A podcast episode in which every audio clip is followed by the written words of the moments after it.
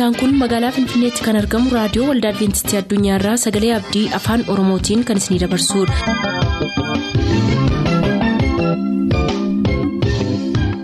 raadiyoo keessan banattaniin kan sagantaa keenya ordofaa jirtan maraan nagaan keenya sinaa qaqqabu akkam jirtu dhaggeeffattoota keenya sagantaa keenyaarraas kan jalqabnu sagantaa macaafni qulqulluu maal jedhaanidha turtii gaarii.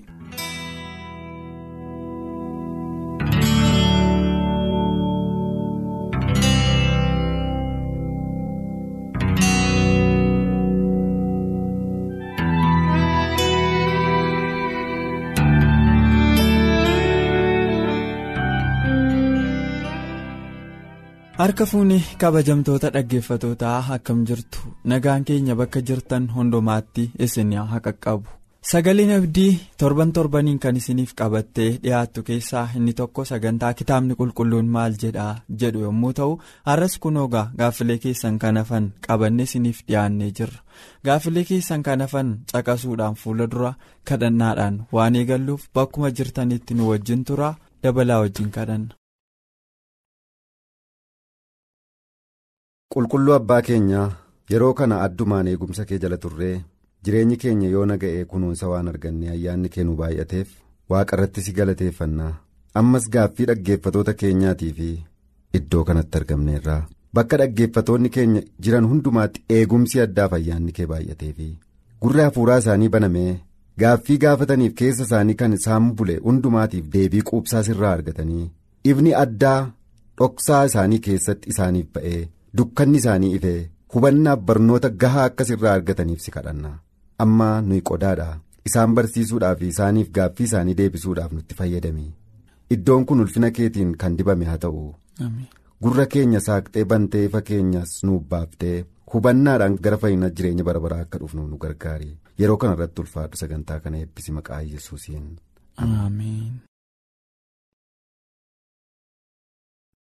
Eebbifami dabala har'a gaaffii dhaggeeffataa keenya obbo maatiyoos goobanaati. Godina wallagga lixaa naannoo biilaati kan isaan nu gaafatanii roomii boqonnaa kudha sadii tokko kaasee yaada jiru irrattidha kan isaan nu gaafatan. Maal jedhanii iddoo kana keessatti obbo maatiyoos moototaaf abboomamaa jedha moototaaf abboomamaa jedha erga ta'e yoo isaan wanta waaqayyootti hin tolle nu abboomanis isaaniif abboomamuun nurra jira jechuudhaayi moo maal jechuu isaati kitaabni qulqulluun maal jedha jedhanii nu gaafatu. girmaa'ee sirriidha roomeen boqonnaa sadiisii addumaan baruuf beekuu kan qabnudha akkaataa inni ittiin barsiise yeroo sana bifa maaliitiin amantoonni walitti dhufeenya mootummaa wajjin qaban keessatti abboomamuu fi kan qaban kan jedhu. Sirriimatti ifuu qaba meroomee boqonnaa kudha sadii lakkoofsa tokkoof lama nu dubbifta isarraa kaana dhaggeeffattoota keenyaaf ifa yoo ta'e wayya waanta ta'eef dhimmi iddoo sun maal jedha kan jedha waan qabachuu danda'aniifi. baay'ee gaariidha. Nan dubbisaa roomee boqonnaa kudha sadii irratti caafamee dhaggeeffataan keenya waan isaan irraa ka'anii nu gaafatan. Isaaniif bakka isaa tuquun barbaada. Roomee boqonnaa kudha sadii lakkoofsa tokkorraa kaaseen dubbisaa. Akkas jedha. Namni hundinuu warra biyya bulchuuf aboo qabaniif haa abboomamu. Fedha waaqayyoo malee aboo qabaachuun hin danda'amu. Warra aboo qabaatanis waaqayyotu achi isaan dhaabe. Kanaaf namni aboo kanaaf abboomamuu didu waan waaqayyoo dhaabeen in mormaa. Warri kana godhanis firdii of irratti hin fidu jedha namoota waan gadhee hojjetan malee namoonni gaarii hojjetan warra biyya seerratan hin sodaatan. Egaatis aboo isaanii akka hin sodaanne. Gochuun hin barbaaddaa yoos waan gaarii hojjedhu akkasitti warra aboo qaban biraa galatan argattaa jedha. Aga sadiitti kan hin dubbise. gaariidha. Yoo waaqayyo kan hin barbaanne isaan nu abboomameenaan hojjenne. Yoomaan abboomamuu dandeenya waan waaqayyo hin barbaanne yoo ta'e isaan garuu yoo nu abbooman abboomamuun barbaachisaadha kan jedhudha mee kallattiidhaan kana dubbachuurraa lakkoofsa tokkorraa maal jedhaa? Mootonni ofiin kan mo'ammiti. Waaqayyo kan isaan moosisu tuffachuu hin qabnu jedheeti kan gorsu. Achuma lakkoofsa tokkorraa jechuudha. Kan isaan shuumu yookaas kan isaan moosisu kan isaan buusu eenyuudha? Waaqayyoodha. Daani'el boqonnaa shan lakkoofsa kudha torbas yoo dubbifne waaqayyo isa barbaade moosisaa isa barbaade immoo mootummaarraa buusaa jedha ibse. Kanaaf mootonni qaama isaaniin olii qabu. Kana amantoonni beekuu qabu. Qaamni. Mootummaa biyya lafaan ol ta'e mootota biyya lafaan ol ta'e tokko jira. Innis waaqayyodha. Kun irraanfatamuu qabu. mootonni biyya lafaa sochoosuu biyya lafaa geggeessuu hin danda'u. Garuu mootota sana kan to'atu eenyudha? Qaamni olii sun waaqayyoodha yoo barbaade kaasuu yoo barbaade moosisu. Kan danda'u waaqayyo akka ta'e macaafni qulqulluun hin kan ammoo amantoonni beekuu qabu. Lakkoofsa sadiirraa yoo dubbifne mootonni kan moosisamanii fi maaliidhaa fi hamootaa fi jedha. Hamoonni biyya lafaarra jiru kan hin to'atamne. mootonni akka isaan to'atanii fi waaqayyo kan kaa'ee jedhaan. Lakkoofsa sadiirra yoo dubbifne. Kanaaf gaarii yoo goote hin sodaatin. Maaliif? Mootonni gaariidhaan waan morman waan hin taaneef gaarii yoo gootes hin sodaatin. Yoo hamaa goote garuu mootiin akkasumaan billaan hidhatu waan ta'eef sodaadhuu jedhe. Lakkoofsa sadiirra. Garuu gaaffiin dhaggeeffataa keenya inni gaarummaa goonee waaqayyo kan jaallatu yoo goone. sodaa kan hin qabne. Garuu waan waaqayyo nurraa hin barbaanne mootonni yoo nu ajajan abboomamuu qabnaa isa jedhuufi macaafa qulqulluu waan jedhu qaba hojii ergamootaa boqonnaa afur lakkoofsa kudha sagal irraa dubbifnaa jechuudha. Asuma gassinnee lakkoofsa torbarraas booddee dubbifanna waan ta'eef. hojii ergamootaa. boqonnaa afur lakkoofsa kudha sagal. hojii ergamootaa boqonnaa afur lakkoofsa kudha sagal irraatti kan dubbisaa jiru phexrosiif yohannis isaaniif deebisanii. kan waaqayyoo dhaga'uurra kan keessan dhaga'uun waaqayyo duratti qajeelaa yoo ta'e isinumti faradaa kan waaqayyoo dhaga'uurra kan keessan dhaga'uun waaqayyo duratti qajeelaa yoo ta'e isinumti faradaa jedhani. yeroo baay'een dhorkamu turan maa irratti akka jedhanii maquma yesus nama jedhamuun dhayinaa jedhu. moototatu akka isaanii lallabne dhorkaa. dhorku hin dhorku jechuudha akka isaaniin lallabne dhorku kan ergamanii hafuura qulqulluudhaan. hafuurri qulqulluu waaqarraa isaaniif dhufee isaanirra qubatee humna hafuura qulqulluutiin kan ergaman waaqayyotu isaan erge garuu mootonni waaqayyo isatti isaan erge kana lallabanii lubbuu fayyisuu kana daangessanii dhorkaa jiru jennaan gaaffii kana gaafa gaafataman deebii kennan mee isinumtuu faradaa waaqayyoof abboomamuu irraa isiniif abboomamuutu caala yoo ta'e jedhaniiti kan dubbatan. Kanaaf waaqayyo waan nu abboome tokko mootummaan lafaa nu daangessa yoo ta'e abboomamuu dhiisuudhaaf mirga qabna. sababiin isaa maal jedha macaafni qulqulluun waaqayyoof abboomamuun namaaf abboomamuurra caala waan jedhuuf. kanaaf iddoo kanatti maal abboomaman? Waaqayyo maal isaan abboome? Lallabanii lubbuu fayyisuudhaaf abboomaman. Daangessuudhaaf immoo eenyutu daangesse moototatu daangesse kanaaf phexros fa'aa hamma du'aatti kan isaan adeeman ishiin jenne tole hin jenne. Sababiin isaa waaqayyo kan isaaniif kenneef abboomamuun guddaaf olaanaa akka ta'e. Mootota irratti kan mo'u. mootii moototaa akka ta'e waaqayyoon waan amananiif. Kanaaf gaaffiin obboleessi keenya gaafate maa'inni waaqayyo kan hin barbaanne. Yoo mootonni akka goonuuf nu ajajan gochuu qabnaa'ii kan jedhuufi deebiin amantoonni kennanii waaqayyo moototaan ol waan ta'eef kan waaqayyoo abboomamuutu dursaa jedhanii akkuma phexros fa'aa deebisan deebisuun karaa salphaadha. lakkoofsa torbarraa hin dubbifanna. Lakkoofsa torba roomee boqonnaa kudha sadii lakkoofsa torbarraa hundumaaf weedha. Wanta isaaf ta'e kennaa'edha. hundumaaf wanta isaaf ta'e kennaa. Mootummaadhaafis gibiriin kaffaluu barbaachisa yoo ta'e kennaafii jedheera macaafni qulqulluun waaqayyoofis akkasuma kan inni isinirraa barbaadu maal godhaafii kennaafii jedhe. Garuu waliin hin makinaa jedhaera waliin maal hin godhina hin makinaa. Qooda waaqayyoo waaqayyumaafi qooda qeesaar qeesaarumaaf kennaa jedhe. Waliin hin makinaa kanaaf qooda qabu lamaan isaanii. Qixatti.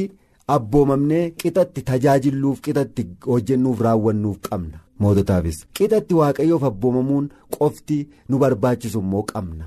Kanaaf garuu waliin makuu hin dandeessani jedhaa jira macaafni qulqulluun. Kanaaf ulfinni qeesaariif ta'uu qabu qeesaarumaaf ta'uutu irra jira ulfinni waaqayyoof ta'uu qabu waaqumaaf ta'uutu irra jira jedha. Waaqeffamuun eenyuuf ta'a? Waaqayyoof. Ta'a. Qeesaariif hin ta'uudha.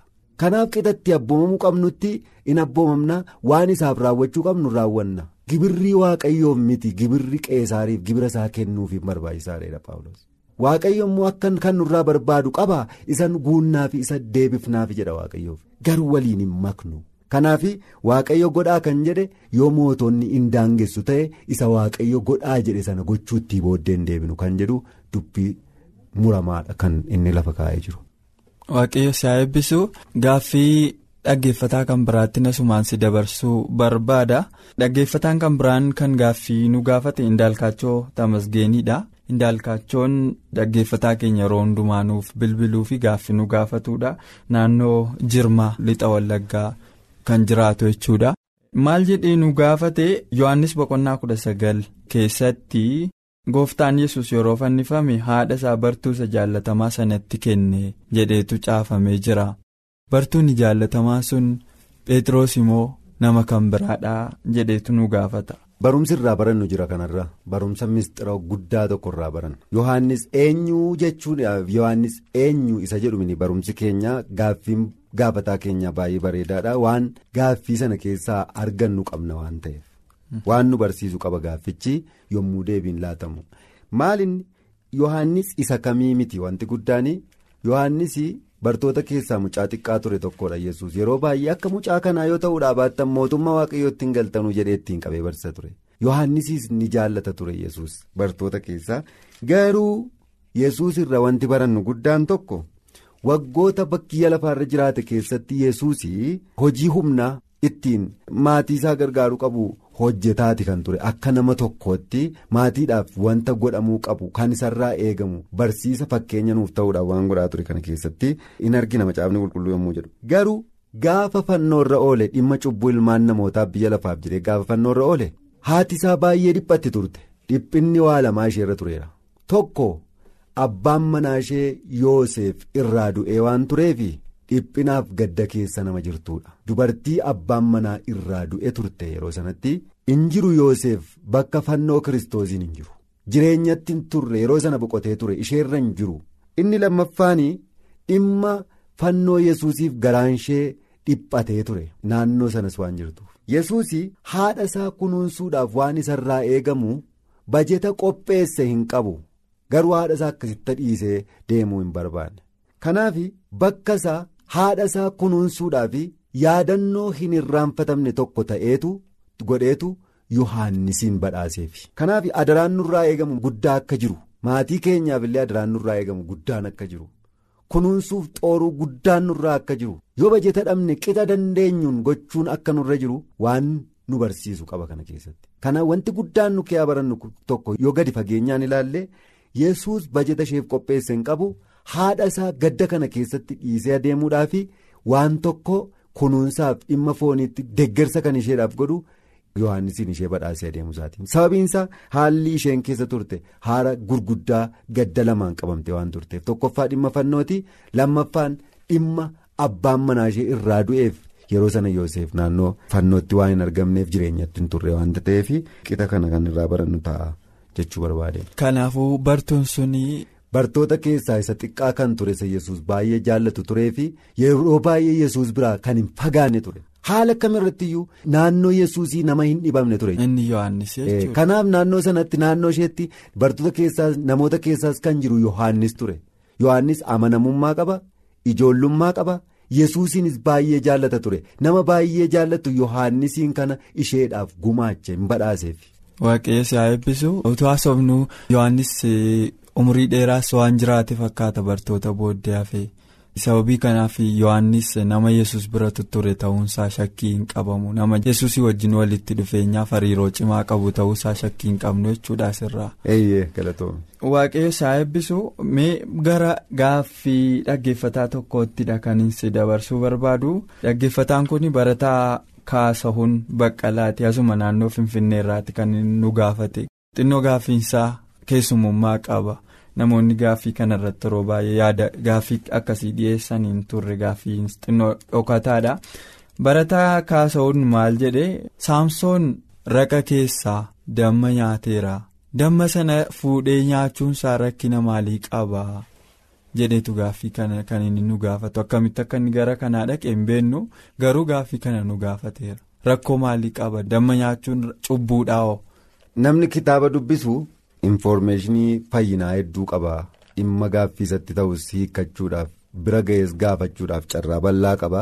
Kanaaf nama kitaaba qulqulluu dubbisu ta'uunsaa amanama iddoo kanarra akkumati jette. Tarii iddoo kana keetti gaaffii kan isatti ta'e damma raqa keessaa sana nyaachuun rakkoo maalii qaba? Kan jedhu irratti abboota firdii boqonnaa kudha afur lakkoofsa saddeetii amma sagaliitti dhimmichi kan caqafamee jiru. Yoo baafteetta ta'e utuu nu dubbisteeti natti tola. Nan dubbisaa abboota firdii boqonnaa kudha afur lakkoofsa saddeetiif sagal akkas jedha. Guyyaa muraasa booddee ishee fuudhuudhaaf utuu deebi'uu raqa leencichaa ilaaluudhaaf itti gore. Raqa leencichaa keessatti immoo gurmuu kanniisaa fi damma arge. Dammicha harka isaatiin kutee nyaachaa adeeme. Gara abbaa isaatiif haadha isaatii dhufe. Dammicha raqa leencaa keessaa akka kute utuu isaanitti hin himin isaaniif immoo hin kenne. Isaanis hin nyaatanii. galatoomi sirrii dhagaa iddoo kana kan jiruudha gaaffii kan ta'e. Innis maa inni saamsoonii jalqabumaa kaasee yommuu dhalatee haadha isaatti ergaan mul'atee abbaa isaattis waan ta'uu qabu kan itti hime ta'uun isaa dhokataa miti. Kana seenaa saamsooniin yeroo nuun kennu waan ta'eef beeka dhaggeeffataan keenya.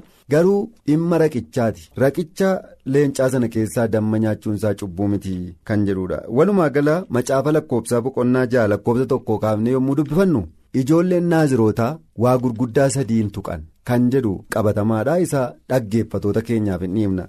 Macaafa seera lakkoobsaa boqonnaa ja'a lakkoobsa tokko kaase. Tokko rifeensi mataa isaanii hin muramu bara jireenya isaanii. Lama daadhii wayinii hin dhuganii.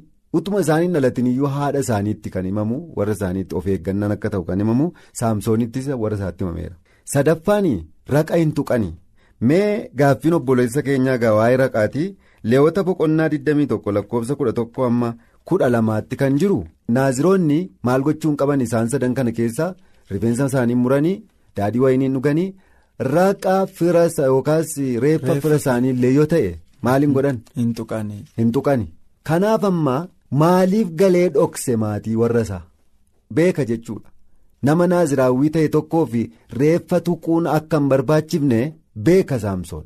Kanaaf iyyuu dhokse an reeffa keessaan damma kute nyaadhe kan jedhu dhosseera. Garuu dammichumadha kan inni dubbate. Iddoo sanatti waa'ee reeffaa isaanitti mul'isuu isaa hin kaa'u jechuudha. Utuu ittiin himin jedha waanta ta'eef. Kanaaf beeka ture naaziraawwiin tokko maal akka hin goone akka hin tunne kana yommuu ta'ee jiru.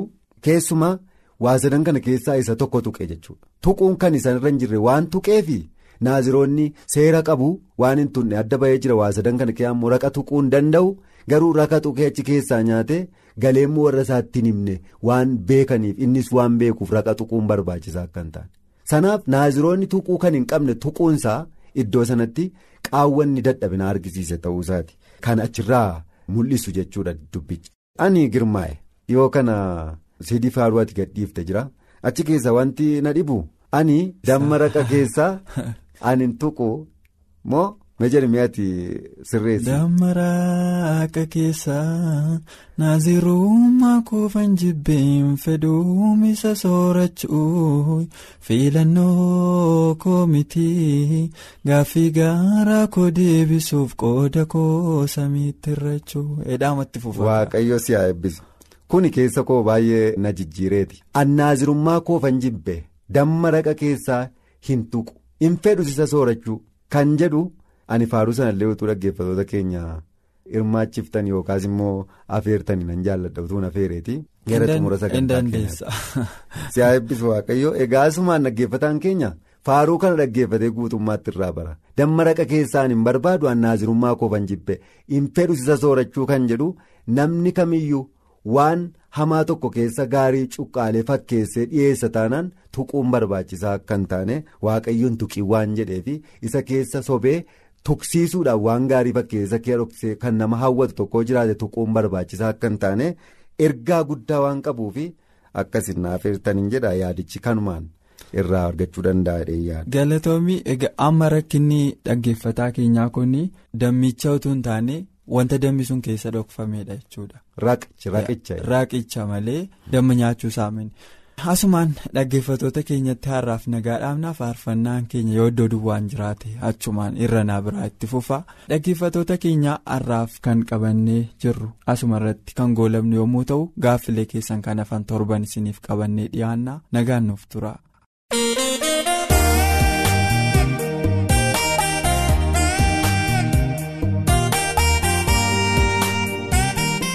Sagantaa keenyatti akka eebbifamtan abdachaa kanarraaf jenne asumaan xumur sagantaa keenya irratti yaaduu qabaattan karaa teessoo keenyaa raadiyoo olda adventistii addunyaa lakkoofsaanduqa poostaa 455 finfinnee jedhaanuf barreessa raadiyoo olda adventistii addunyaa lakkoofsaanduqa poostaa 455 finfinnee.